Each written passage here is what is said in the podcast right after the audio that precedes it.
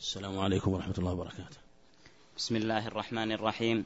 الحمد لله رب العالمين والصلاة والسلام على سيدنا ونبينا محمد عليه أفضل الصلاة وأتم التسليم. اللهم, اللهم اغفر لنا ولشيخنا وللحاضرين والسامعين. أما بعد قال المؤلف رحمه الله بسم الله الرحمن الرحيم. إن الحمد لله نحمده ونستعينه ونستغفره ونعوذ به من شرور, من شرور أنفسنا وسيئات أعمالنا. من يهده الله فهو المهتد ومن يضلل فلن تجد له وليا مرشدا. ونشهد أن لا إله إلا الله وحده لا شريك له وأن محمدا عبده ورسوله. وبعد فإن هذه الرسالة رفع الملام عن الأئمة الأعلام القيمة في موضوعها وبابها الجليلة في, في فائدتها. قال المؤلف رحمه الله بسم الله الرحمن الرحيم الحمد لله على آلائه وأشهد أن لا إله إلا الله وحده لا شريك له في أرضه ولا في سمائه وأشهد أن محمدا عبده ورسوله نعم. وخاتم أنبيائه. في أرضه؟ لا شريك له في أرضه ولا في سمائه. ولا في عندك واو؟ يجي. عندكم ولا في سمائه ولا وسمائه؟ يمكن ولا لا شريك له في أرضه وسمائه وأشهد أن محمدا عبده ورسوله وخاتم أنبيائه صلى الله عليه وعلى آله وأصحابه صلاة دائمة إلى يوم لقائه وسلم تسليما. الحمد لله رب العالمين والصلاة والسلام على نبينا محمد وعلى آله وأصحابه وأتباعه بإحسان إلى يوم الدين. هذه الرسالة كما نعلم رفع الملام عن الأئمة الأعلام وهذه التسمية لا أدري هل هي من المصنف رحمه الله أو من بعده ممن جمع كلامه رحمه الله وبالجملة فهو اسم على مسمى واضح وبين والعبارات في كلامه رحمه الله واضحة. وهذه رسالة عظيمة ورسالة نافعة جمع رحمه الله فيها مسائل كثيرة في علوم الشريعة عموما في الأصول في قواعد الفقه وفي الفقه مصطلح الحديث ومقاصد الشريعة عموما. وهذه الرسالة كما سمعنا من أخينا الشيخ وليد جزاه الله خير رسالة مهمة وتحتاج إلى مناقشة وإلى بحث. وكلامه رحمه الله كما نعلم يكون جوابا عن سؤال ثم بعد ذلك يستمر بما فتح الله عليه. من العلوم النافعة من الكتاب والسنة وكلام أهل العلم قبله. وهذه الرسالة ليست مثلا رسالة من الرسل من الرسائل التي هي متن لها شرح مثل متون الأحاديث أو متون الفقه والمصطلح والأصول وما والتفسير وما أشبه ذلك بل هي رسالة مشتملة على علوم عدة. ولهذا لا ليس هنالك يقال مثلا مرجع معين يمكن أن يرجع إليه في بيان كلام وشرح كلامه إلا ما يعلمه طالب الحق وطالب العلم مما يعلمه ويدركه من كلام أهل العلم. فيكون الكلام بقدر ما يستحضر وبقدر ما يدرك وبقدر ما يفهم من كلام أهل العلم على هذه العبارات التي ذكرها. ثم الناس يختلفون في هذا اختلافا عظيما في البيان. ولهذا كما سبق التنويه عليه أنه قد يكون هنالك بعض المسائل قد يغفل عنها أو تنسى أو بعض المباحث المهمة فيحتاج إلى التذكير ويحتاج إلى البحث. فلا شك أن البحث والمساءلة والإرادة أحيانا في بعض ما يرد من بعض المسائل يعين على فهم هذه الرسالة. يعني هي تعين لنا جميعا للمتكلم والمستمع. وأيضا ربما يفتح إلى فهم بعض المسائل حال المناقشة والمدارسة. كما تقدم هي من الرسائل التي إيه، تتكلم عن علوم عامة وربما ينتقل من مسألة إلى مسألة وربما يعرض إلى بعض مسائل الفقه ويوردها مما يقع فيها خلاف بين أهل العلم وليس المقصود بحثها ولا الكلام فيها المقصود الاستدلال بها لما أراد. ونحن حينما تمر هذه المسائل نتكلم عن المسائل التي يريدها رحمه الله في من خالف القول الصحيح فيها. نورد ما ذكر من كلامه مع التدليل لما ذكره بحسب ما يتيسر بلا إطالة إنما ببيان القول الأظهر لأنه يذكر أن هذا هو القول الأظهر وخالفه من خالفه لسبب من الأسباب كما سيأتي. فالمقصود أن أن المدارسة مهمة ولهذا يقول بعض أهل العلم مدارسة ساعة خير من بحث ليلة. خير من بحث ليلة.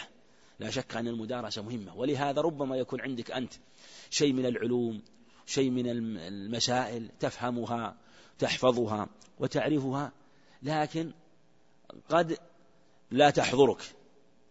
وحينما تبحث مع زميلك ومع صاحبك في مسألة من المسائل ويناقشك فتقول أنت المسألة كذا وكذا والدليل كذا ويرد عليك يقول فيه كذا. هو في الحقيقة إيه، يعيدك إلى ما إلى ما سبق أن راجعته وفهمته ويذكرك.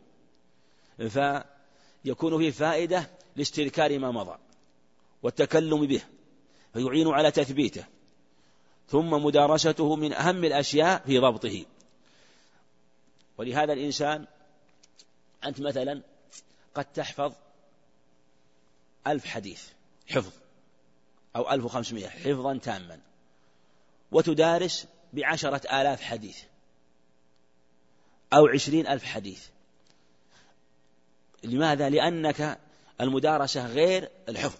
فتدارس معنى أنك تستطيع أن تورد من الأدلة في المسائل.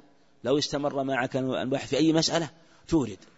لكن الحفظ يختلف. الحفظ يحتاج إلى أن يحفظ مثلا ثم يأتي بها سردا لكن المدارسة مع البحث والمناقشة. وهذه هو المقصود من العلم. المقصود من العلم أن يكون حين المدارسة يستحضر الأدلة والمآخذ ومعاقد الأصول التي بينها أهل العلم. فهذه أمور مهمة ومن ذلك في هذه الرسالة لشيخ الإسلام رحمه الله وهي رسالة عظيمة آه، ووسمت بهذا الاسم رفع الملام عن الأئمة الأعلام لأنهم اجتهدوا والمجتهد له أجره وإن أخطأ كما سيأتي تنبيه عليه. والمصنف رحمه الله افتتح رسالته بهذه الخطبة وهذا مشروع في كل متكلم لكل متكلم أو كاتب أو من يخطب أن يفتتح بهذه الخطبة أو بما دل على معناها لما في ثبت في حديث مسعود عند أهل السنن أنه علم خطبة الحاجة إن الحمد لنحمده ونستعينه. وهذه الصحيح أنها خطبة يفتتح بها جميع أنواع الخطب. وبعض العلم يرى أن يفتتح المصنف كتابه بحديث إنما الأعمال بالنيات. ولهذا كثير من العلم افتتح كتابه بحديث إنما الأعمال بالنيات كما قاله بعض العلم أحب لكل مصنف أن يفتتحه بحديث أن يفتتح تصنيفه بحديث إنما الأعمال بالنيات استحضارا لإخلاص النية في هذا العمل لأنها هي الأصل وهي المعون في قبول العمل فسن ذلك لأنه اجتهد في أن يأتي به على الصواب ثم لو أخطأ فهو صواب. فلو أخطأ المتكلم أو أخطأ المحدث أو أخطأ الكاتب هو على صواب. ولا على خطأ؟ كيف صواب وكيف خطأ؟ يجتمعان. نعم. في هو صواب من جهة أنه اجتهد. وهو مأمور بالاجتهاد. نعم. وخطأ في ماذا؟ أنه لم يوافق الصواب في نفس الأمر. هذا ولهذا من قال هل كل مجتهد مصيب؟ نقول هو مصيب في اجتهاده مخطئ في حكمه. ولهذا كان له أجر. كان له أجر. ولما قالوا مثلا إنه مصيب ومنهم من قال إنه مخطئ نحمله على أحد قولين. لماذا قلنا إنه مصيب؟ لأن الله لا, لا يكلف الله نفسا إلا وسعها. وهو لما اجتهد وبذل الوسع هذا هو الواجب عليه. ومن أتى بالواجب عليه فهو مصيب في فعله. مثل إنسان صلى على غير وضوء صلى مثلا على غير وضوء نقول فعله صواب. إذا كان ناسيا. هو يظن أنه على وضوء. هو ص... ولهذا يؤجر على صلاته هذه. ما نقول صلاة باطلة. معنى صلاة باطل لا ثواب. إن أراد بقوله باطل لا ثواب له نقول لا. وإن قال إنها باطل معنى أنه يعيدها نقول صحيح. إنه صحيح. وهكذا. فلهذا هؤلاء الأئمة الأعلام هم في اجتهادهم على صواب من جهة بذل الوسع. وبهذا يخرج من هذا القيد من اجتهد على غير بينة. يجتهد وهو ليس معه آلة الاجتهاد. مثل إنسان عامي وأراد أن يجتهد أو إنسان ليس عنده آلات العلم وأراد أن يجتهد نقول ليس لك أن تجتهد. إنما يجتهد من عنده الآلات التي تمكنه من ذلك والاجتهاد يتجزأ كما نعلم. وهذا مثل ما مثل بعض العلم مثله مثل إنسان أوصيته أن يبحث عن متاع. قلت ابحث لي عن الكتاب الفلاني. قال أين هو؟ قال في المسجد موجود. في المسجد ابحث عنه.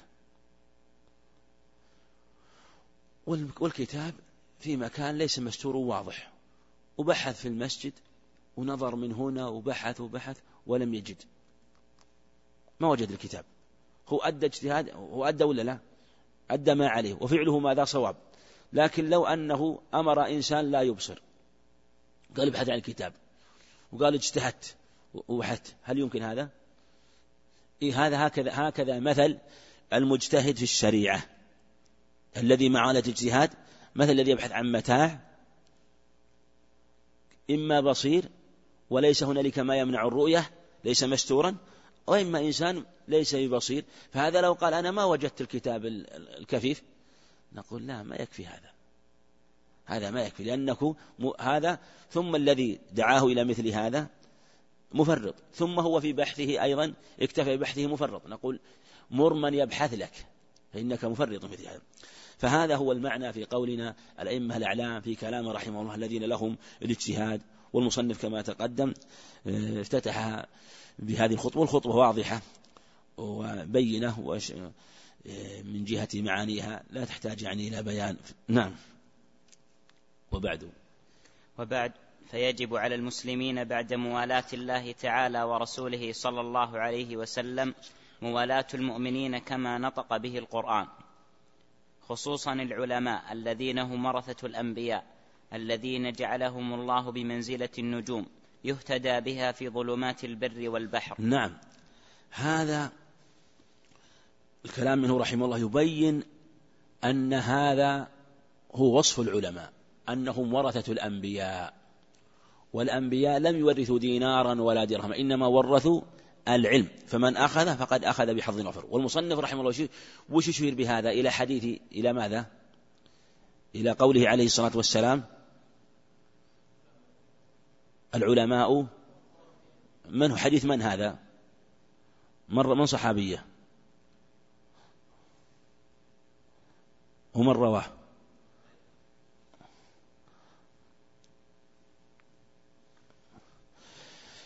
الحديث مشهور بصحابي. رضي الله عنه. جزاك الله خير. بارك الله فيك. نعم. نعم. أبو؟ لا أبو الدرداء. أبو الدرداء عويمر رضي الله عنه. حديث حديث أبي الدرداء رواه أبو داود. حديث طويل وفيه وإن العلماء ورثة الأنبياء. وإن الأنبياء لم يورثوا دينارا ولا درهما إنما ورثوا العلم. فمن أخذه فقد أخذ بحظ وافر. هؤلاء ورثة الأنبياء. ولهذا النبي عليه الصلاة والسلام قال إنا لا نورث. نحن معاشر الأنبياء لا نورث. ما تركنا صدقة. كما تواتر الخبر بذلك ورواه العشرة. هذا هو اللي رواه أبو بكر وعمر وعلي والزبير وطلحة والعباس. جماعة بل رواه العشرة. والصحيحين وغيرهما حديث متواتر. ما ترك صدقة. ثم ذكر المصنف رحمه وصفا آخر لهم.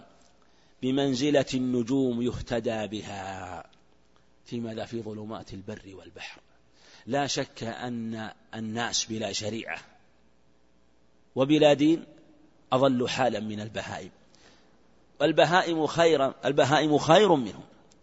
ولهذا إذا رأيت قوما على غير شريعة حينما تراهم في الحقيقة أن البهائم خير منهم حينما يكونوا على شرك وجهل. ولهذا كانت هذه الشريعة رحمة من الله عز وجل.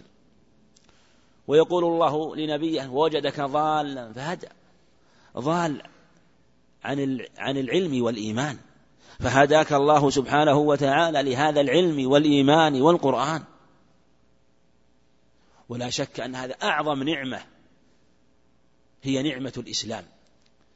أشد ضرورة من الطعام والشراب. ثم هذه الشريعة تبقى ببقاء الكتاب والناطقين بالكتاب كما سيأتي في كلام رحمه الله.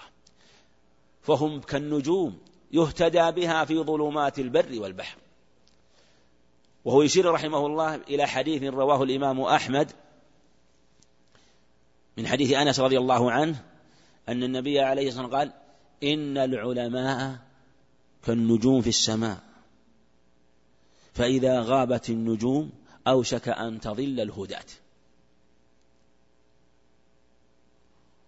فيهتدى بها وتعلم الجهات وتكون دلالة في البر والبحر لمن يستدل بها. ولهذا كان علماء هذه الأمة لهم نصيب وافر من الحظ الذي هو وراثة النبوة عن النبي عليه الصلاة والسلام. بمنزلة النجوم يهتدى بها في ظلمات البر والبحر. وهذا يبين أنه يجب على أهل العلم بيان الهدى والخير حتى تزول الضلالة. وأن الناس لا يهتدون إلا بعلمائهم. وأن العلماء هم الأصل. فالعلماء مؤتمرون بأمر الله ورسوله. مؤتمرون بأمر الله ورسوله. والعلماء يدلون على أمر الله ورسوله. ولهذا يقول أهل العلم طاعة الأمراء تبع لطاعة العلماء. لأن العلماء يطاعون أمر الله سبحانه وتعالى بطاعته في طاعة الله وهم يدلون على أمر الله. يدلون على أمر الله. فكان الأصل هو طاعتهم واتباعهم. نعم وقد أجمع.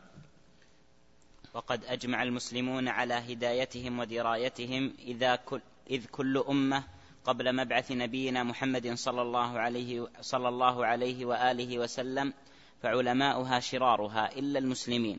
فإن فإن علماءهم خيارهم. فإن نعم. فإن فإن علماءهم خيارهم. فإنهم خلفاء الرسول صلى الله عليه وسلم في أمته والمحيون لما مات من سنته. بهم قام الكتاب وبه قاموا وبهم نطق الكتاب وبه نطقوا. نعم. وهذا هو وصف آخر وصف ثالث لهم. وهو أجمع المسلمون على هدايتهم ودرايتهم. إذ لم يكونوا علماء ومنارا وهداية إلا لأنهم أهل هداية. وإلا لو كان إذا كان العالم إذا كان العالم يتكلم بغير الحق فكما قال بعض العلم شر الناس أو شر العلماء شر الناس. لأن ضلال العالم مصيبة وزلة العالم يزل بها عالم كما قال بعض العلم. ولهذا الحديث مروي من طرق أمر اتقوا ثلاثة منها زلة العالم وفي لفظ منافق عليم اللسان أخوف ما أخاف على أمتي. ذكر هؤلاء قال ومنهم منافق عليم اللسان يتكلم بالعلم وينطق به فتقول ما هذا؟ هو يتكلم به. وهذا هو أعظم الضلال حينما يضل بعلمه. فيكون فيه شبه من اليهود. كما قال سفيان بن عيينة من فسد من علمائنا ففيه شبه من اليهود. ومن فسد من عبادنا ففيه شبه من النصارى. ثم علماء هذه الأمة كما قال المصنف أو قبل العلماء الذين قبل هذه الأمة الغالب عليهم أن علماء يعني الغالب يعني يبين أن الغالب وإن كان فيهم من العلماء والأخيار ومن دعا إلى الهدى كثير. لكن الغالب الوصف الغالب على كثير من علماء اليهود وغيرهم أنهم شرارهم ولهذا حصل الضلال. ولما بعث النبي عليه الصلاة والسلام توقف اليهود ولم يسلم معه ولم يتبعه إلا القليل النادر. بل قال النبي عليه لو أسلم بي عشرة من اليهود لأسلم بي اليهود كلهم. يعني ممن يعرف وصفه. فلهذا أضلوا قومهم. إلا المسلمين فإن فإن علماءهم خيارهم. وبهذا استحقوا وصف وراثة النبوة عنه عليه الصلاة والسلام. ثم ذكر المصنف رحمه الله من صفاتهم أنهم خلفاء الرسول في أمته والمحيون لما مات من سنته. بهم نطق الكتاب وبه نطقوا. وهذا واقع. الكتاب والسنة لا يمكن أن يقوم بغير ناطقين متكلمين. حق. ولهذا لما جادل من جادل بعض الصحابة إما علي بن علي بن أبي طالب وابن عباس أو ابن عباس أخذ المصحف وجعل يهزه وقال تكلم يا كتاب تكلم يا معنى أنه أنه كمصحف أوراق لا ينطق إنما من جادل في في بعض من يتكلم وفي بعض ما يقول. فبين أنه لا يمكن أن يحصل إقامة الحق إلا بأن ينطق العلماء. وأن يتكلم العلماء بالحق ولا يقوم إلا بذلك. ولهذا قال وبهم نطق الكتاب وبه نطقوا. إذا اجتمع الكتاب والسنة مع أهل, مع أهل العلم الناصحين حصل الخير والفلاح والسعادة في الدنيا الموصولة بسعادة الآخرة. وقد روى الإمام أحمد رحمه الله من حديث لبيد بن ربيعة أنه عليه الصلاة والسلام ذكر شيئا. فقال هذا عند أوان ذهاب العلم. عند أوان ذهاب العلم. قال فقلنا يا رسول الله هذا الكتاب بين أيدينا نقرأه. والله لنقرأنه ولنقرأنه أبناءنا ولا يقرئنه أبناؤنا أبناءهم. قال عليه الصلاة والسلام ثكلت كم ثكلت كمك يا ابن لبيد. زياد بن لبيد الصحابي زياد بن لبيد. ثكي هو راوي الحديث. ثكلت كمك يا ابن لبيد. هذه التوراة عند عند اليهود. لم ينتفعوا مما فيها بشيء. التوراة عندهم وكتاب الله بين أيديهم ومع ذلك ضلوا وأضلوا. فيبين عليه الصلاة والسلام أن الكتاب لا يقوم إلا بلسان حق ناطق. وفي الصحيحين من حديث معاوية رضي الله عنه أنه عليه الصلاة أنه قال عن النبي عليه الصلاة والسلام قال إن هذا الأمر في قريش. لا ينازعهم أحد إلا أكبه الله على وجهه في النار. ما أقاموا الدين. ما أقاموا الدين. يبين أن المعول عليه هو إقامة الدين وإقامته بإقامة أهل العلم. وهذا أمر أمر محل اتفاق بين أهل العلم. في اللفظ الآخر حي عند أحمد وأبي داود من حيث ابن عمر قال حتى تراجعوا دينكم أو ليسلطن الله عليكم ذلا لا ينزلكم حتى تراجعوا دينكم. فلا يكون إلا بإقامة الكتاب. نعم. وليعلم. وليعلم أنه ليس أحد من الأئمة المقبولين عند الأمة قبولا عاما يتعمد مخالفة رسول الله صلى الله عليه وآله وسلم في شيء من سنته دقيق ولا جليل. فإنهم متفقون اتفاقا يقينيا على وجوب اتباع الرسول صلى الله عليه وآله وسلم وعلى أن كل أحد من الناس يؤخذ من قوله ويترك. إلا رسول الله صلى الله عليه وآله وسلم ولكن إذا وجد لواحد منهم قول قد جاء قد جاء حديث صحيح بخلافه فلا بد له من عذر في تركه. نعم. وهذه الجملة واضحة ما في ما تحتاج يعني إلى شيء من البيان واضحة وما ذكر رحمه الله هذا محل اتفاق من العلم. لكن قول المصنف رحمه الله إنه وليعلم أنه ليس أحد من الائمه يعني مقبولا قبولا عاما يتعمد مخالفة الرسول صلى الله عليه وسلم. يعني هنا هذا القيد هل هو مقصود من المصنف رحمه الله؟ واضح السؤال؟ يقول, يقول إنه هنا ليس أحد من الأئمة المقبولين عند الأمة قبولا عاما يتعمد مخالفة رسول الله صلى الله عليه وسلم يعني الأئمة كثير فيه ناس في كثير من الأئمة يكون له قبول وبعض الناس قد يعني كثير يكون له قبول ومنهم من من لا يكون له القبول. قد يكون قبوله في زمانه قد يكون قبوله دون زمان آخر. وربما كثير من الأئمة لا يعلمون ولا نعرفهم. وش القصد من قوله قبولا عاما من هذا القيد؟ نعم. الأئمة طيب هذا حسن. الأئمة أربعة. لكن هل هو حصر عليهم؟ وإلا يشملهم ويشمل غيرهم؟ طيب. طيب لماذا قيده بالقبول العام؟ لماذا؟ يعني قيده. هناك يعني كثير من الأئمة في المذاهب قد يكون قبوله عند قومه يعني ممن يتبعه مثلا. نعم. نعم. طيب قبول الناس له وش يدل عليه؟ أنه اتباع. نعم. واحد نعم. وضع عنها القبول. نعم. ارفع الصوت ها. على السنة. في جواب آخر؟ نعم. أحسن طيب أحسن. إذا هذا هذا هو الصحيح. هذا صحيح. إذا قول قبولا عاما يدل على حرصه على اتباع السنة وأنه يجعلها قبلته أينما كانت. أبدا. مثل ما قال ابن القيم وغيره يعني في يتبع السنة لا يسألون أخاهم حين يندبهم في النائبات على ما قال برهانا.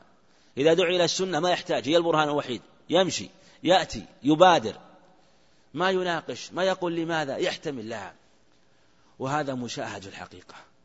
حتى الأعداء حتى الخصوم المخالفون إذا رأوا إنسان يعظم السنة ويخالف شيخه شيخ مذهبه ومن سبقه وأهل بلده من مشايخ الذين على خلاف السنة سواء باجتهاد أو بتقليد قبلته وهمته السنة أينما كان؟ الناس يعظمونه لتعظيم السنة حتى ولو خالفوه حتى ولو أن لهم قولا يخالفه يعني ليست مخالفة يكون مقلد حتى لو كان من أهل العلم. وهذا هو معنى كلام مصنف رحمه الله. ما في يعني أحد من أهل العلم مقبول قبول عام ممن يجتهد في اتباع السنة والعمل بها وأينما يممت يمم شطرها وسار خلفها هي همته وقصده ورحله يضعه حيث كانت السنة ويرفعه حيث لم توجد. هذا هو الواجب. ولهذا أجمع العلماء كما ذكر الشافعي رحمه الله وغيره أنه لا يحل لمن استبانت له سنة رسول الله صلى الله عليه وسلم أن يدعها لقول أحد كائنا من كان وهذا محل إجماع من العلم فهذا العالم حينما يأتينا قول له مخالف للدليل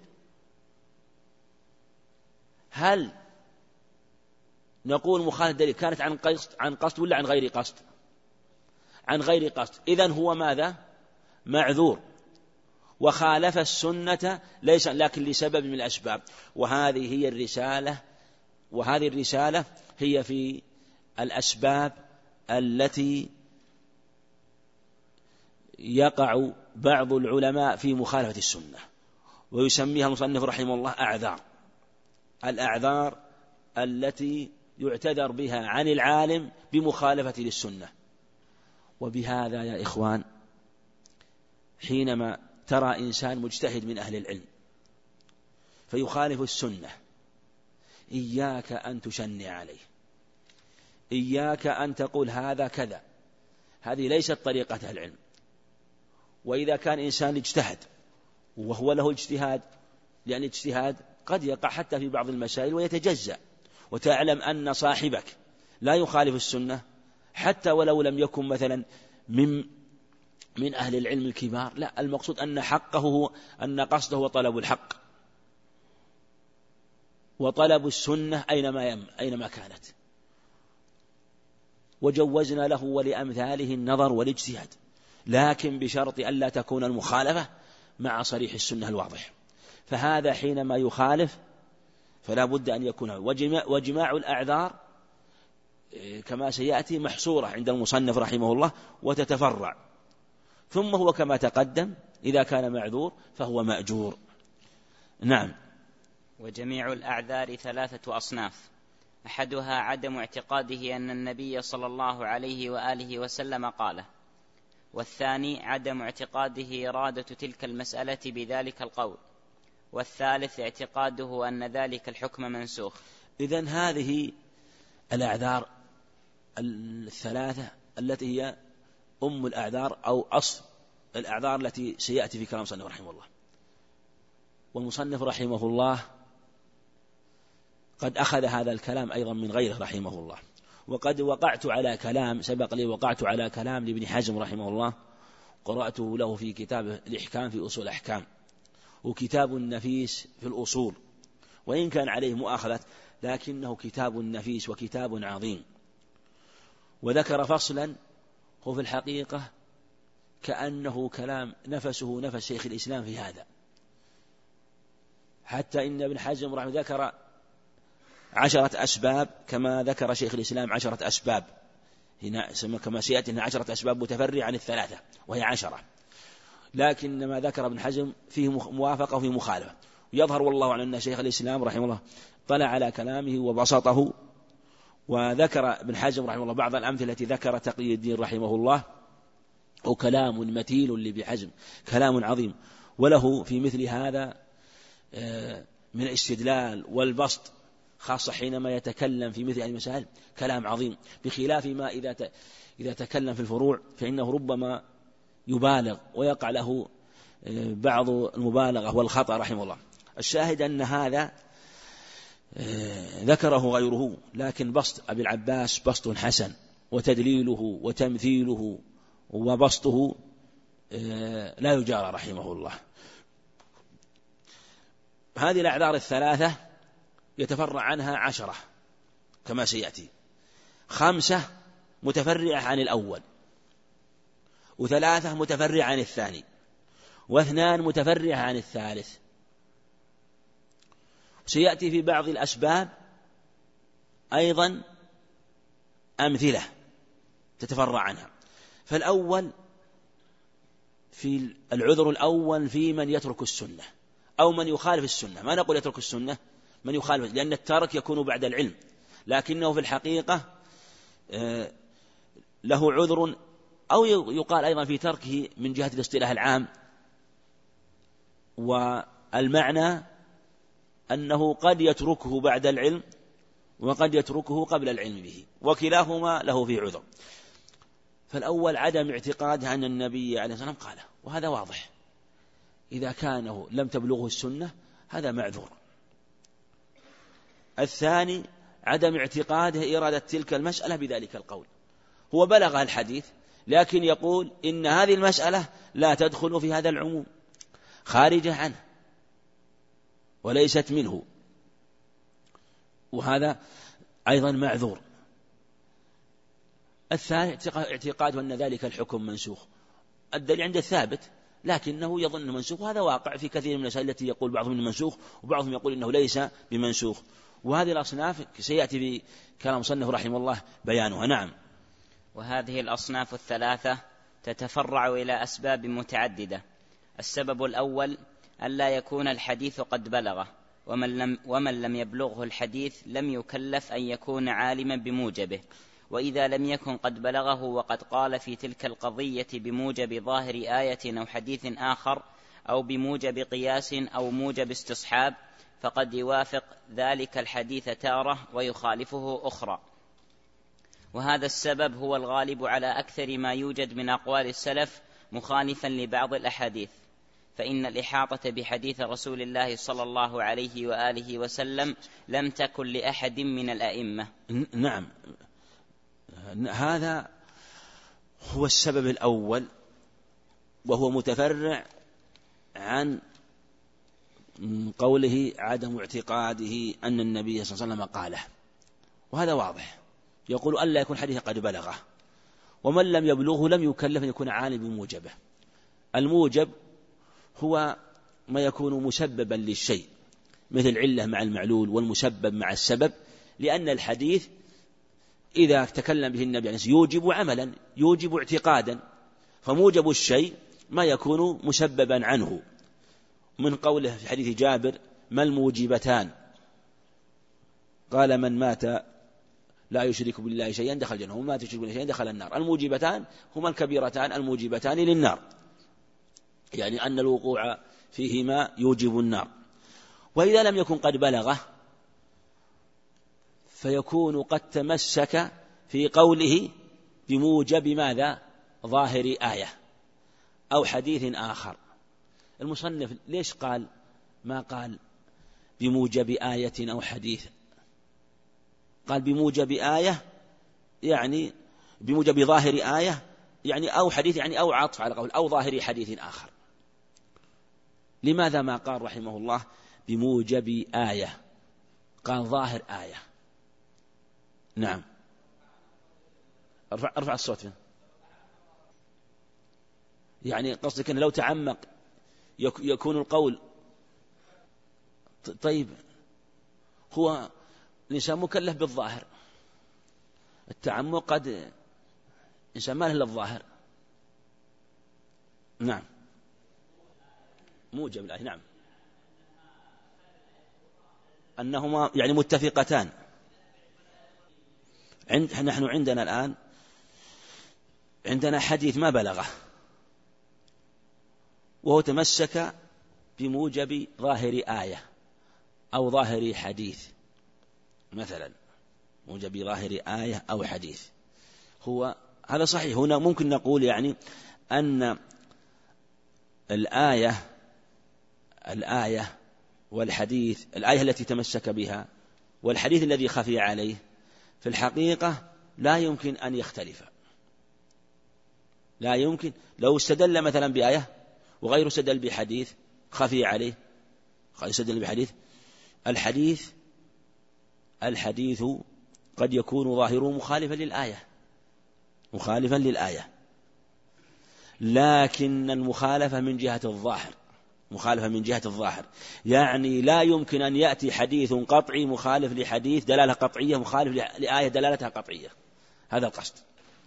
يعني معنى إذا كان عندنا حديث ظاهره يدل على نصه يدل على الوجوب وآية تدل على التحريم لا يمكن أن يحصل بينهم لا يمكن أن يوجد هذا معنى أن يوجد دليلان متقابلان تقابلا تاما لا يمكن الجمع بينهما ما يمكن. ولهذا قال ظاهر لأن إذا كان مع ظاهر حديث أو ظاهر آية نقول الظاهر اللي معك لا بأس به لكن هذا الظاهر مخصوص هذا الظاهر مقيد هذا الظاهر آه، مثلا أو إجماله مبين بالآية الأخرى. أما أن يكون دلالة الآية قطعية ودلالة الآية الأخرى قطعية دلالة الحديث قطعي ويتقابلان لا. ولهذا مثلا عمر رضي الله عنه حينما كان يمنع المحرم من الطيب قبل قبل طواف الإفاضة. قبل طواف الإفاضة. إيش تمسك به بحديث ابن عمر في الصحيحين أنه عليه الصلاة والسلام نقي ما يلبس؟ قال لا يلبس. وبين أيضا أنه لا يمس الورس ولا الزعفران. وأنه لا يتطيب المحرم. عمر رضي الله عنه تمسك بمو استصحب الدليل. استصحب الدليل الذي هو باق على عمومه وأن المحرم لا يتطيب وأن المحرم لا يتطيب. أليس كذلك؟ لكن دلت السنة ماذا على أن المحرم إذا رمى الجمرة يتطيب أو إذا رمى وحلق على الخلاف في مثل هذا. هو تمسك بذاك الحديث وتمسكه واضح ولا إشكال. ما بلغته السنة في حديث عائشة لأن معها دليل. لكن جاءنا حديث عائشة فبين لنا أن المحرم الذي يمنع من الطيب هل هو كل محرم ولا المحرم إحرام كامل؟ المحرم إحرام ماذا؟ كامل. أما المحرم الذي ذهب بعض إحرامه وبقي بعضه وتحلل التحلل الأول هذا لا بأس من الطيب. وعلى هذا لا تعارض. وهو حينما تمسك بذاك الحديث له ذلك. أيضا في قول مثلا أو موجب قياس. ما عند إنسان عالم من العلماء ما عنده دليل. ما عنده دليل من السنة. لكن عنده قياس نظر فيه. تمسك به. هو له نظر واجتهاده. وقد أحسن من انتهى إلى ما سمع. وهو لم يسمع شيئا. عمر رضي الله عنه كما سيأتي في كلام صنه رحمه الله يرى أن الزوجة لا ترث من دية زوجها إذا قتل. لا ترث من دية زوجته من دية زوجها. ويقول إن الدية للعصبة دون الزوجة. أما الزوجة ما ترث. عمر رضي الله عنه تمسك به؟ ما ما بلغته السنة. رحمه, رحمه الله رضي عنه عالم وفقيه. ومع علمه وجلالته خافيت عليه السنة في مثل هذا كما سيأتي. عنده ماذا؟ أن الزوجية باقية ما بقيت ماذا؟ الحياة. فإذا مات الزوج ماذا انقطعت؟ العلق بين الزوج والزوجية. طيب الدية متى وجبت له؟ قبل موته ولا بعد موته؟ قبل قتله وبعد قتله؟ نعم. بعد قتله. الزوجية انتهت ولا ما انتهت؟ انتهت. والمال وجب ماذا؟ بعد والدية وجبت ماذا؟ بعد قتله وبعد ما فرغت بعد ما انتهت الزوجية وجد المال. يقول إذا يرث من ماله القديم اللي كان موجود حال ماذا؟ حياته. لكن الآن هذا مال ماذا؟ جديد. مال جديد والزوجة خلاص ما عاد بزوجة. إذا ما ترث. وهذا في النظر وش قياس ولا لا؟ قياس ونظر ولا, حظ من النظر. لا حظ من النظر. لكنه خالف من خالفه وأورد عليه الحديث, الحديث الصحيح ضحاك بن أشرم الضبابي رضي الله عنه رواه خمسة أن النبي وصحابي كان عامل النبي عليه الصلاة كتب له أن ورث أن أن أن ورث أو كتب له نعم أحد الصحابة أن ورث امرأة أشم نعم ضبابي من زوجها. الصحابية من هو؟ نسيت الآن. ورث امرأة أشم الضبابي من زوجها. أن ورث امرأة أشم من زوجها. لما بلغه سلم عمر السنة. النبي عليه الصلاة ورث المرأة من, من دية زوجها. وفي حديث عمرو بن شعيب أنه عليه الصلاة والسلام قضى أن العقل يعني الهدية قضى أن العقل بين ورثة القتيل على فرائضهم.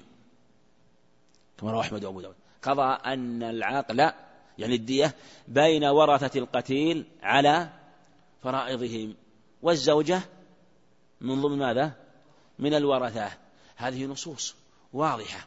إذا النصوص لا تقابل بمثل هذا القياس. ثم هذا القياس هو قياس في الحقيقة. لكن عندنا قياس آخر يدل يساعد الأدلة. عندنا قياس آخر يؤيد الأدلة ويساعدها ويبين أن أن الحديث على وفق القياس. لكن عندنا قياسان عندنا قياسان. لو أنه لم يأتي دليل مثلا من السنة قد يقال قد يقال إن ذاك القياس يقوى. لكن لما أنها جاءت الأدلة من السنة فإن القياس أيضا يساعدها ويدل عليه. ولم يأتي دليل وليس في السنة شيء على خلاف القياس أبدا. كان بين ذلك الدين رحمه الله, رحمه الله وغيره. دليل ذلك أن الزوجة بعد وفاة زوجها تبقى في العدة. والعدة من أثر الزوجية.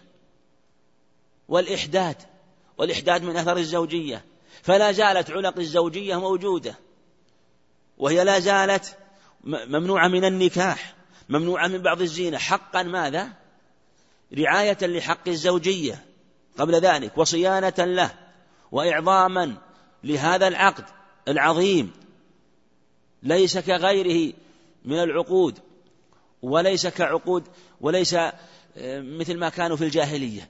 إذا هذا يساعد القياس ويدل عليه كما تقدم. وهذا معنى كلام رحمه الله أو بموجب قياس يعني مطلق قياس وقد يكون القياس يسلم وقد لا يسلم. وهذا هو الغالب. وذلك أن الإحاطة كما ذكر مصنف بما جاء به النبي عليه الصلاة والسلام من يحيط بالسنة؟ ما أحد يحيط بالسنة؟ وهذا سيأتي أيضا في كلام مصنف رحمه الله. نعم. وقد كان النبي صلى الله عليه وآله وسلم يحدث أو يفتي أو يقضي أو يفعل الشيء فيسمعه أو يراه من يكون حاضرا. ويبلغه أولئك أو بعضهم لمن يبلغونه. نعم وقوله يحدث يبين أن السنة إما تحديث ابتداء قول يحدث يعني أن يتكلم ابتداء أو يفتي يعني أن يتكلم عليه الصلاة والسلام إما بسؤال من يسأله أو يقضي وهو أبلغ من الفتوى في خصومة أو يفعل الشيء بمعنى متعلق بالسنة الفعلية. وهذه أربعة أمور. وهذه أربعة أمور. وكلها من السنة. كلها من السنة. قوله فيسمعه يرجع إلى الثلاثة الأولى. وهو التحديث والفتوى والقضاء. قوله أو يراه يرجع إلى قوله يا أو يفعل. يفعل لأنه هذا متعلقة الرؤية. فيبلغه أولئك أو بعضهم لمن يبلغونه ممن لم يسمع كلامه عليه الصلاة والسلام. نعم. فينتهي علم ذلك إلى من شاء الله من العلماء من الصحابة والتابعين ومن بعدهم. ثم في مجلس آخر قد يحدث أو يفتي أو يقضي أو يفعل شيئا ويشهده بعض ويشهده بعض من كان غائبا عن ذلك المجلس ويبلغونه لمن أمكنهم. فيكون عند هؤلاء من العلم ما ليس عند هؤلاء وعند هؤلاء ما ليس عند هؤلاء. وإنما يتفاضل العلماء من الصحابة ومن بعدهم بكثرة العلم أو جودته. نعم وهذا واضح أيضا. وذلك أن النبي عليه الصلاة والسلام مجالسه يحضرها بعض الصحابة ويغاب عنها بعض وقد كان الصحابة رضي الله عنهم أصحاب عمل فلاحة ويعملون والنبي عليه الصلاة والسلام يأمرهم بذلك. فهم على سنة وعلى خير. ولهذا كان عمر رضي الله عنه يتناوب هو وصاحبه الأنصاري يتناوبون الحضور. وعمر رضي الله عنه لما كما سيأتي خفي عليه الاستئذان كما في الصحيحين إيش قال؟ ألهاني عنه الصفق بالأسواق وهذا إشارة إلى صحة ما ذكر مصنف أن بعضهم رضي الله عنه قد يشغله طلب العيش لأهله ولنفسه. وهذا أمر مشروع ومطلوب. وليس بعيب لكن إشارة إلى أنه لا يمكن إحاطة بسنة النبي عليه الصلاة والسلام. وربما كان النبي عليه والسلام في مكان قد, لا قد يكون في مسجده وقد يذهب إلى بستان أحيانا ويحضره بعض الصحابة ويأتي إليه من يجي من يبحث عنه في بيته فلا فيقول ليس موجود. أو في المسجد فيقول ليس موجود. فيكون قد ذهب إلى بستان. كما في الصحيح في قصة أبي موسى الأشعري رضي الله عنه حينما قلت لا, لا قال لا أكونن بواب النبي. أنا سنة اليوم حديث بطوله في الصحيحين. لما قال إذن له بشره بالجنة. أو بكر ثم عمر ثم لما قال عثمان إذن له بشره بالجنة. على بلوى تصيبه. كان في البستان. وحضر هؤلاء. قال إن يريد الله بفلان خيرا يأتي الله به. يعني أخاه. فلم يحضره إلا جمع قليل من الصحابة. كان يوم الأيام خرج على أحد قال أثبت أحد ليس معك إلا نبي أو صديق أو شهيدا. في رواية أنه معه ثلاثة وأربعة في رواية أنه معه أكثر من هؤلاء. فيكون عليه الصلاة والسلام. وربما أيضا دعا ذهب أحيانا إلى بيوت بعض بيوت أصحابه كما قصة بالهيثم بن تيهان رواه مسلم وبسطها الترمذي رحمه الله. ولم يكن معه إلا أبو بكر وعمر وأبو الهيثم بن التيهان. لم يكن موجودا فجلس النبي يتحدث هو وأصحابه ثم لما علم بالنبي عليه الصلاة والسلام جاء ورحب بهم ثم ذهب وذبح لهم عليه رضي الله عنه فلم يكن معه إلا إثنان من أصحابه وأبو بكر وعمر. فهذا مجالس كثيرة أيضا كثيرا ما يكون في بيته تخفى السنة على الصحابة. ممن لا يعلم سنته التي يعملها في بيته. ولهذا لما اختلف الصحابة في شأن الغسل ووجوبه بماذا يجب أرسلوا إلى أم سلمة وأبلغتهم بذلك فلم يكونوا يعلمون خصوص بعض هذه الأمور. ولهذا نقلت عن عن أناس من كبار الصحابة في مثل هذه المسألة خفيت عليهم وبعضهم ثبت على ذلك حتى بعد وفاته. اختلف هل رجعوا ولم يرجعوا مسألة وجوب الغسل. يعني يعني إذا إذا إذا إذا كان لم يحصل إنزال وحصل جماع بلا إنزال ومسائل كثيرة ووقائع كثيرة. فيقول رحمه الله فيكون عند هؤلاء من علم ما ليس عند هؤلاء؟ وعند هؤلاء من علم ما ليس عند هؤلاء؟ وهذا بإجماع أهل العلم. ولا يحيط أحد بسنة النبي عليه الصلاة والسلام. مهما بلغ من الحفظ وما بلغ من الملازمة للنبي عليه الصلاة والسلام. نعم. وأما إحاطة واحد بجميع حديث رسول الله صلى الله عليه وآله وسلم فهذا لا يمكن فهذا لا يمكن ادعاؤه قط. واعتبر ذلك بالخلفاء الراشدين رضي الله عنهم الذين هم أعلم الأمة بأمور رسول الله صلى الله عليه وآله وسلم وسنته وأحواله خصوصا الصديق رضي الله عنه الذي لم يكن يفارق رسول الله صلى الله عليه وسلم حضرا ولا سفرا. بل كان يكون معه في غالب الأوقات. نعم وهذا واضح. من, ادعى من ولا لا أحد يدعي أنه حاط بسنة النبي. مهما بلغ من العلم. كان الزهري يوم الأيام يحدث. فذكر له بعض أصحابه حديثا. فقال الزهري لا أعرفه. أظن اللي حدث محمد بن إسماعيل بن سعد وقاص أو غيره. نسيت الآن. لكن يغلب أظن محمد بن إسماعيل بن سعد بن وقاص أو إسماعيل إسماعيل محمد. فقال الزهري ذكر ذكر حديثا. قال الزهري لا أعرف هذا الحديث. قال له ذاك الرجل هل حفظت سنة النبي يعني كلها؟ قال لا. قال نصفها. قال أرجو. يعني النصف أرجو. قال أجعل هذا الحديث في النصف الذي لا تحفظه. فسلم رحمه الله. هذا هو الزهري رحمه الله. حافظ الإسلام. أجل العلماء من أجل أجل من أجل العلماء في زمانه لم يكن أجله رحمه الله. توفي سنة 24 و100 وهو من متوسط التابعين. إمام حافظ رحمه الله. أجمع العلماء على إمامته وحفظه مع أنه قريب العهد من النبي عليه الصلاة والسلام. وحفظ السنة متيسر بالنسبة له. كما قيل يعني أنه يصل إليها مباشرة. ويصل إلى غرضه مباشرة ينهيه مباشرة ما يحتاج. مثل إنسان يريد أن يصنع عملا. العمل عنده موجود يصنع مباشرة وإنسان آخر يريد أن يعمل عمل. العمل هذا في بلاد بعيد يريد يسافر يحضر آلاته. إذا أراد أن يسافر يقطع المسافة ثم يحضر آلاته. فلا يصل إلى المكان الذي يريد أن يعمل عمل إلا وقد أنهك قوة. فلا يؤدي العمل إلا بضعف. بخلاف من كان عنده آلة العمل وعنده كل شيء وحاضر لا يحتاج إلى سفر. فيتيسر يؤدي بنشاط. هكذا حال أهل العلم المتقدمين مع المتأخرين. المتقدمون ليس بينهم وبين النبي عليه الصلاة والسلام من الواسطة الشيء الكثير ولا يحتاجون إلى البحث الكثير في الرجال ولا النظر ثم أيضا هم لم تكد أفهامهم ولا عقولهم مسائل الأصول ولا اللغة ولا المصطلح. هذه أمور يعرفونها سليقة يعرفونها ابتداء. لم تأخذ من أذهانهم شعبة. لا هذا ولا بل أذهانهم وعقولهم متهيئة لحفظ السنة لحفظ الكتاب والسنة والتفقه فيها. فهذا كما أشار القيم رحمه الله أن هذه العلوم وكلما تأخر الزمان وكلما توسعت هذه العلوم كلما أخذت من العقول شعبة ونحتت منها نحتا فلا ترد النصوص ولا تصل النصوص إلا وقد كلت فتضعف في حفظها. وتضعه في استنباطها والاستدلال. أما هؤلاء لا فقد كفوا مع ما آتاهم الله من صدق اليقين والإيمان والحفظ العظيم والإعانة ولقاء الشيوخ الكبار الحفاظ وسائل عظيمة.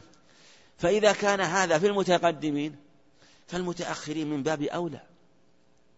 ولهذا المصنف رحمه الله أكد على هذا وسيأتي في كلامه أيضا تأكيد على هذا وأنه لا يمكن أحد أن يحيط بالسنة مكان. قد يقول قائل الآن وقبل الآن السنة جمعت وكتبت والأصول الستة مضبوطة. العالم يتكلم وعنده المكتبة.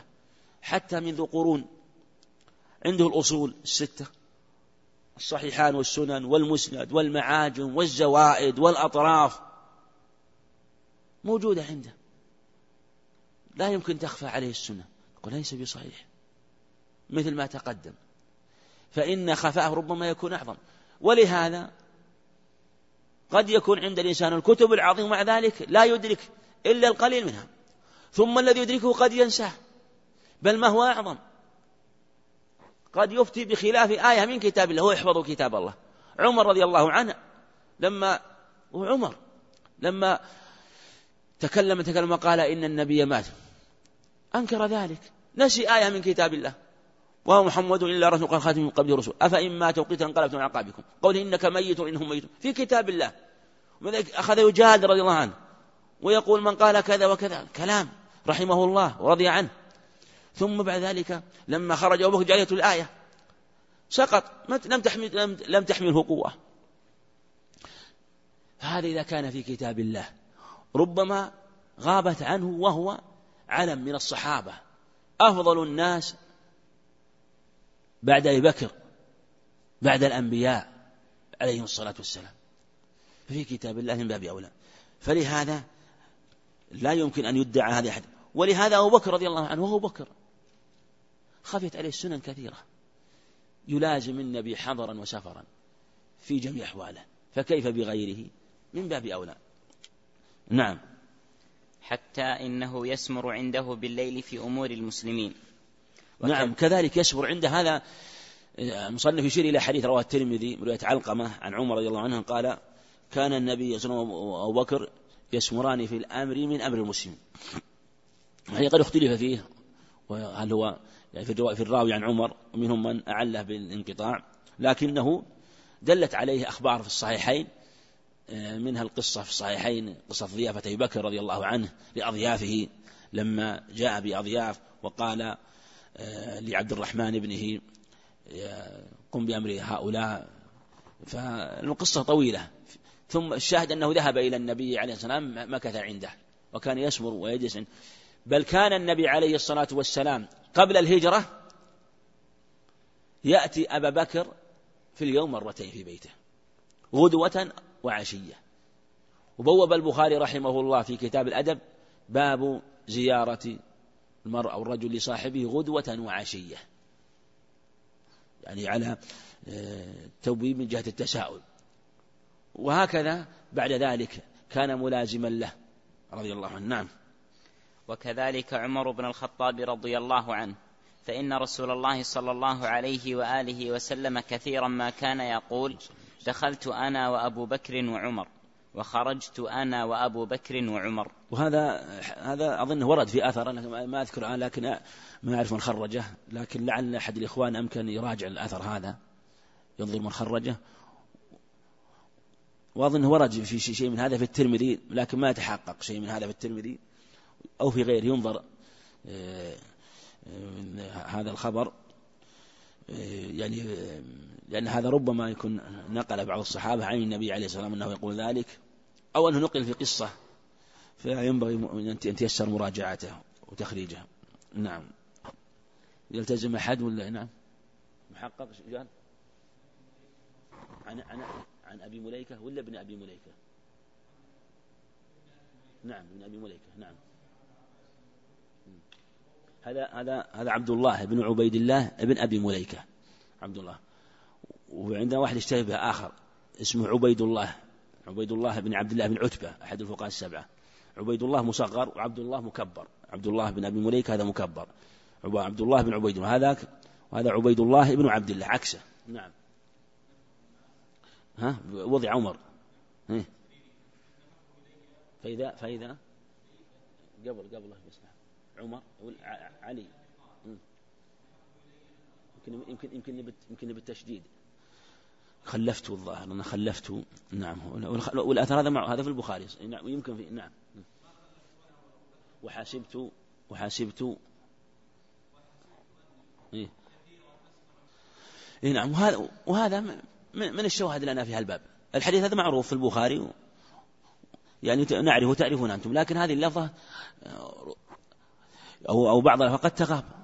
وهذه اللفظة وهذه وهذا وهذا خبر في البخاري هذا صحيح. قال عن ابن ابي بعد بعد ابن أبي مليكة بس ابن أبي مليكة بعده؟ اي نعم متصل نعم.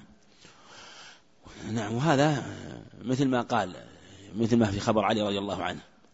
بس ينظر في قوله حسبت حسبت هل هل هل, هل في حسبت أنه قال أو أن حسبت إنه من كلام علي رضي الله عنه؟ لأنه يعني كان حسبت كان يقول ظننت ما يجزم.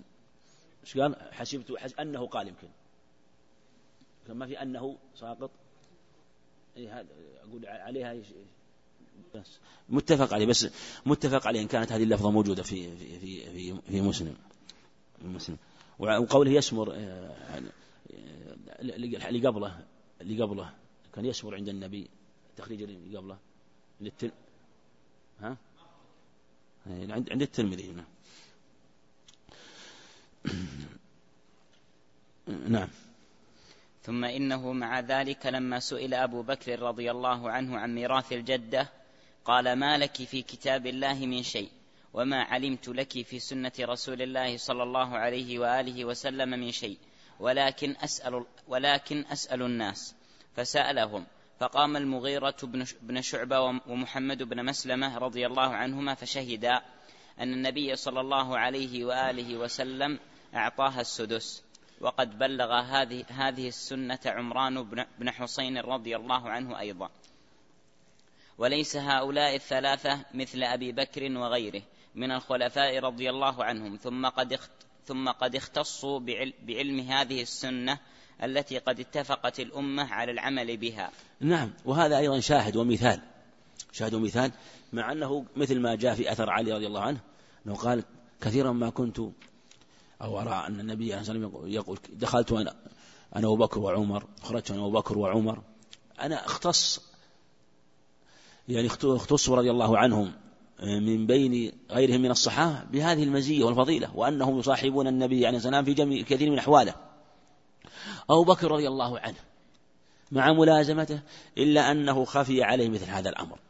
وهو ميراث يعني ميراث الجدة. ولهذا قال ما لك في كتاب الله شيء. ما لك في كتاب الله ولا ليس عنده من السنة شيء يدل على ذلك. قال ولكن أسأل ولكن أسأل الناس. وهذا من الإنصاف. وهذا هو الواجب على العالم. يبحث في الكتاب. ثم في السنة. ثم بعد ذلك ولهذا ما قال أجتهد. شوف انظر الإنسان ما قال أجتهد وأنظر لا. يعني الاجتهاد ما يكون بعد بذل وسع في معرفة الأدلة. ثم قال أسأل الناس قولها أسأل الناس. وهذا أيضا فيه إشارة إلى أن الناس في زمانه كانوا أهل العلم أهل العلم وأهل الفضل. وهكذا كان أمر. يعني عمم لأن الناس في زمانه هم أهل العلم وأهل الفضل وهم الصحابة رضي الله عنهم وكانوا متواجدين متوافرين آه، في المدينة لم يذهبوا ها هنا ولا هنا. وهكذا في عهد عمر لم يخرج إلا القليل منهم. وفي عهد أبي بكر لم يخرج منه إلا القليل ممن يعني في أثناء قتاله لأهل الردة ولغيرهم. سأل رضي الله عنه. أجابه المغيرة بن شعبة وقال وأنه أعطاها السدس. وقال من يشهد معك؟ قال محمد بن مسلمة. وهذا محل اتفاق من أهل العلم إذا لم يكن دونها أم. خفي على أبي بكر رضي الله عنه.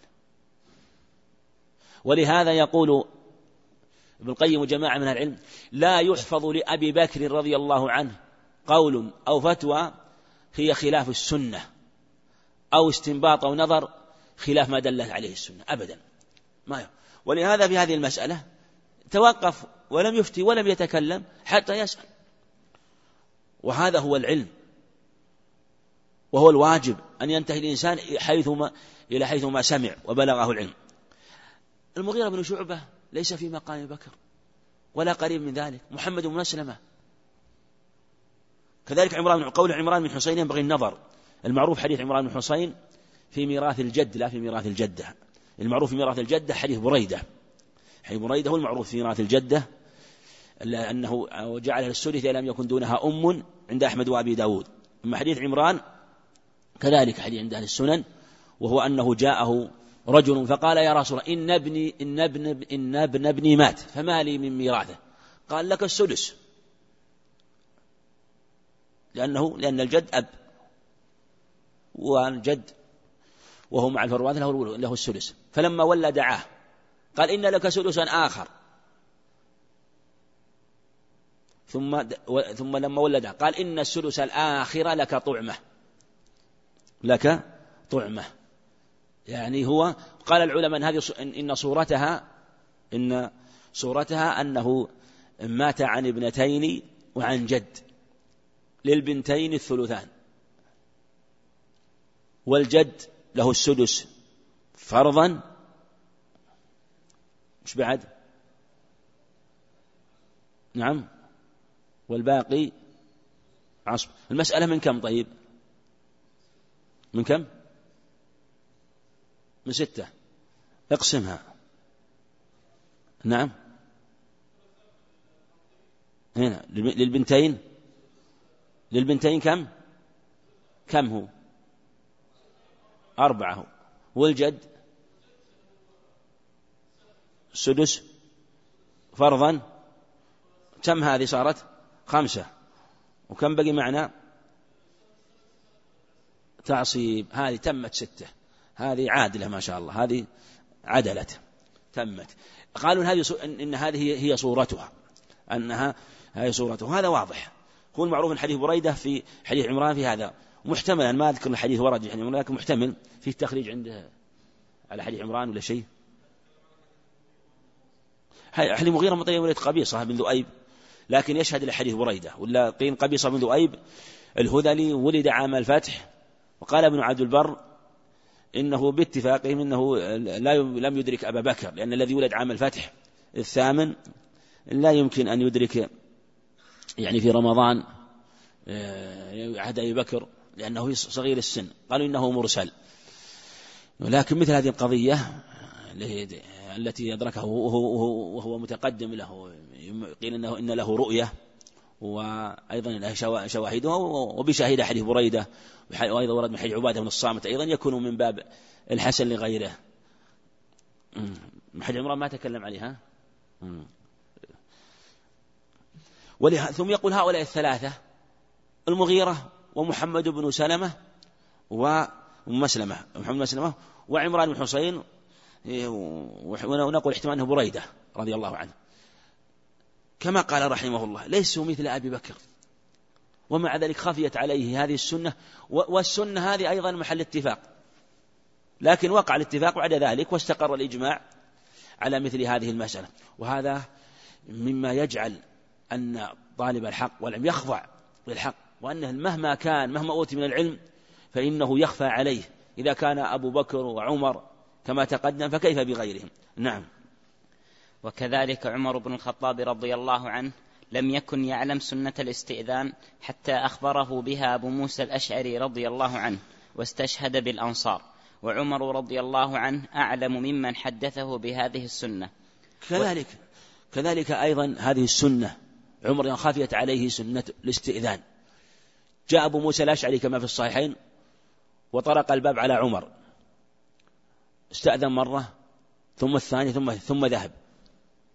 ثم انتبه عمر رضي الله عنه. قال ألم أعلم الأشعرية جاء كأنه كأنه سمع به؟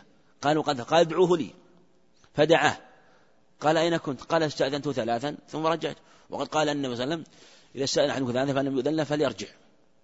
قال لتأتي النبي على هذا يبينه في لفظ وإلا أوجعتك عند مسلم. فجاء أبو موسى إلى إلى الأنصار فزعا. قال عمر رضي الله عنه إن يخاطب الناس إن جاء بينة فسترونه عند المنبر. بس موجود مباشرة قريب. فذهب إلى جمع من الأنصار فيهم أبي بن كعب من كبارهم وأبو سعيد الأنصار الخدري من صغارهم. فجاء فزعا. فكأن بعض بعض الناس أراد أن يمازحه. فقال أبو سعيد وغيره كيف تفعل تمازحونه وقد جاء مذعورا فزعا؟ يعني خفوا عليه. فقال هل أحد منكم سمع في الاستئذان شيئا؟ الاستئذان ذكر لهم حديث. قال أبي بن كعب لا يقوم معك إلا أصغر القوم. يعني لا يذهب معك إلى عمر يشهد معك إلا من؟ إلا أصغر القوم. وهو أبو سعيد الخدري. لماذا قال أصغر القوم؟ إشارة إلى أن هذه السنة علم حتى الصغار أنها مشتهرة. فذهب أبو سعيد الخدري رضي الله عنه. في عند مسلم أنه ذهب أبي بن كعب وقيل إنه وهم. المعروف أنه أبو سعيد الخدري. فلما بلغت عمر سلم ذلك ماذا قال؟ تواضعا منه. ألهاني عنه الصفق بالأسواق رضي الله عنه. ثم قال يعني له أبي بن كعب يعني ما معناه أنه لا تكون عذابا أصحاب رسول الله صلى الله عليه وسلم. قال إنما سمعت أمرا فأردت أن أتثبت.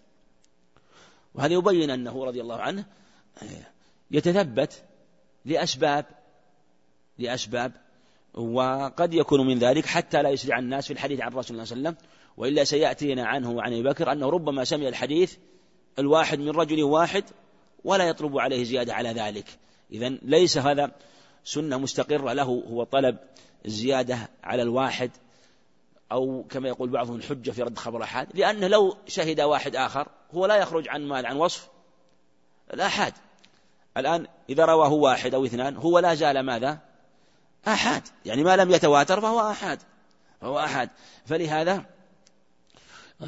هو وصف آحاد لكنه أراد التثبت وهنالك أسباب أخرى ذكرها العلماء. نعم. ولم يكن عمر رضي الله عنه أيضا يعلم أن المرأة ترث من دية زوجها. بل يرى أن الدية للعاقلة. حتى كتب إليه الضحاك بن سفيان الكلابي رضي الله عنه. نعم هذا الصحابي اللي ذكرنا قبل. الضحاك بن سفيان الكلابي نعم. وهو أمير لرسول الله صلى الله عليه وآله وسلم على بعض البوادي. يخبره أن رسول الله صلى الله عليه وآله وسلم ورث امرأة أشيم الضبابي رضي الله عنه من دية زوجها فترك رأيه لذلك وقال لو لم نسمع بهذا لقضينا بخلافه. وهذا هو الواجب على كل من سمع سنة على خلاف رأيه. أن يقضي بها. هذا هو الواجب. وإذا سمعها فإنه يترك السنة. فإن فإذا سمع السنة فإنه يترك رأيه. وهذا محل إجماع العلم. مثل ما تقدم في قول الشافعي رحمه الله. ومثل ما في قول مالك المشهور رحمه الله. كل منا راد مرجع إلا صاحب هذا القبر. يعني أنه يؤخذ به.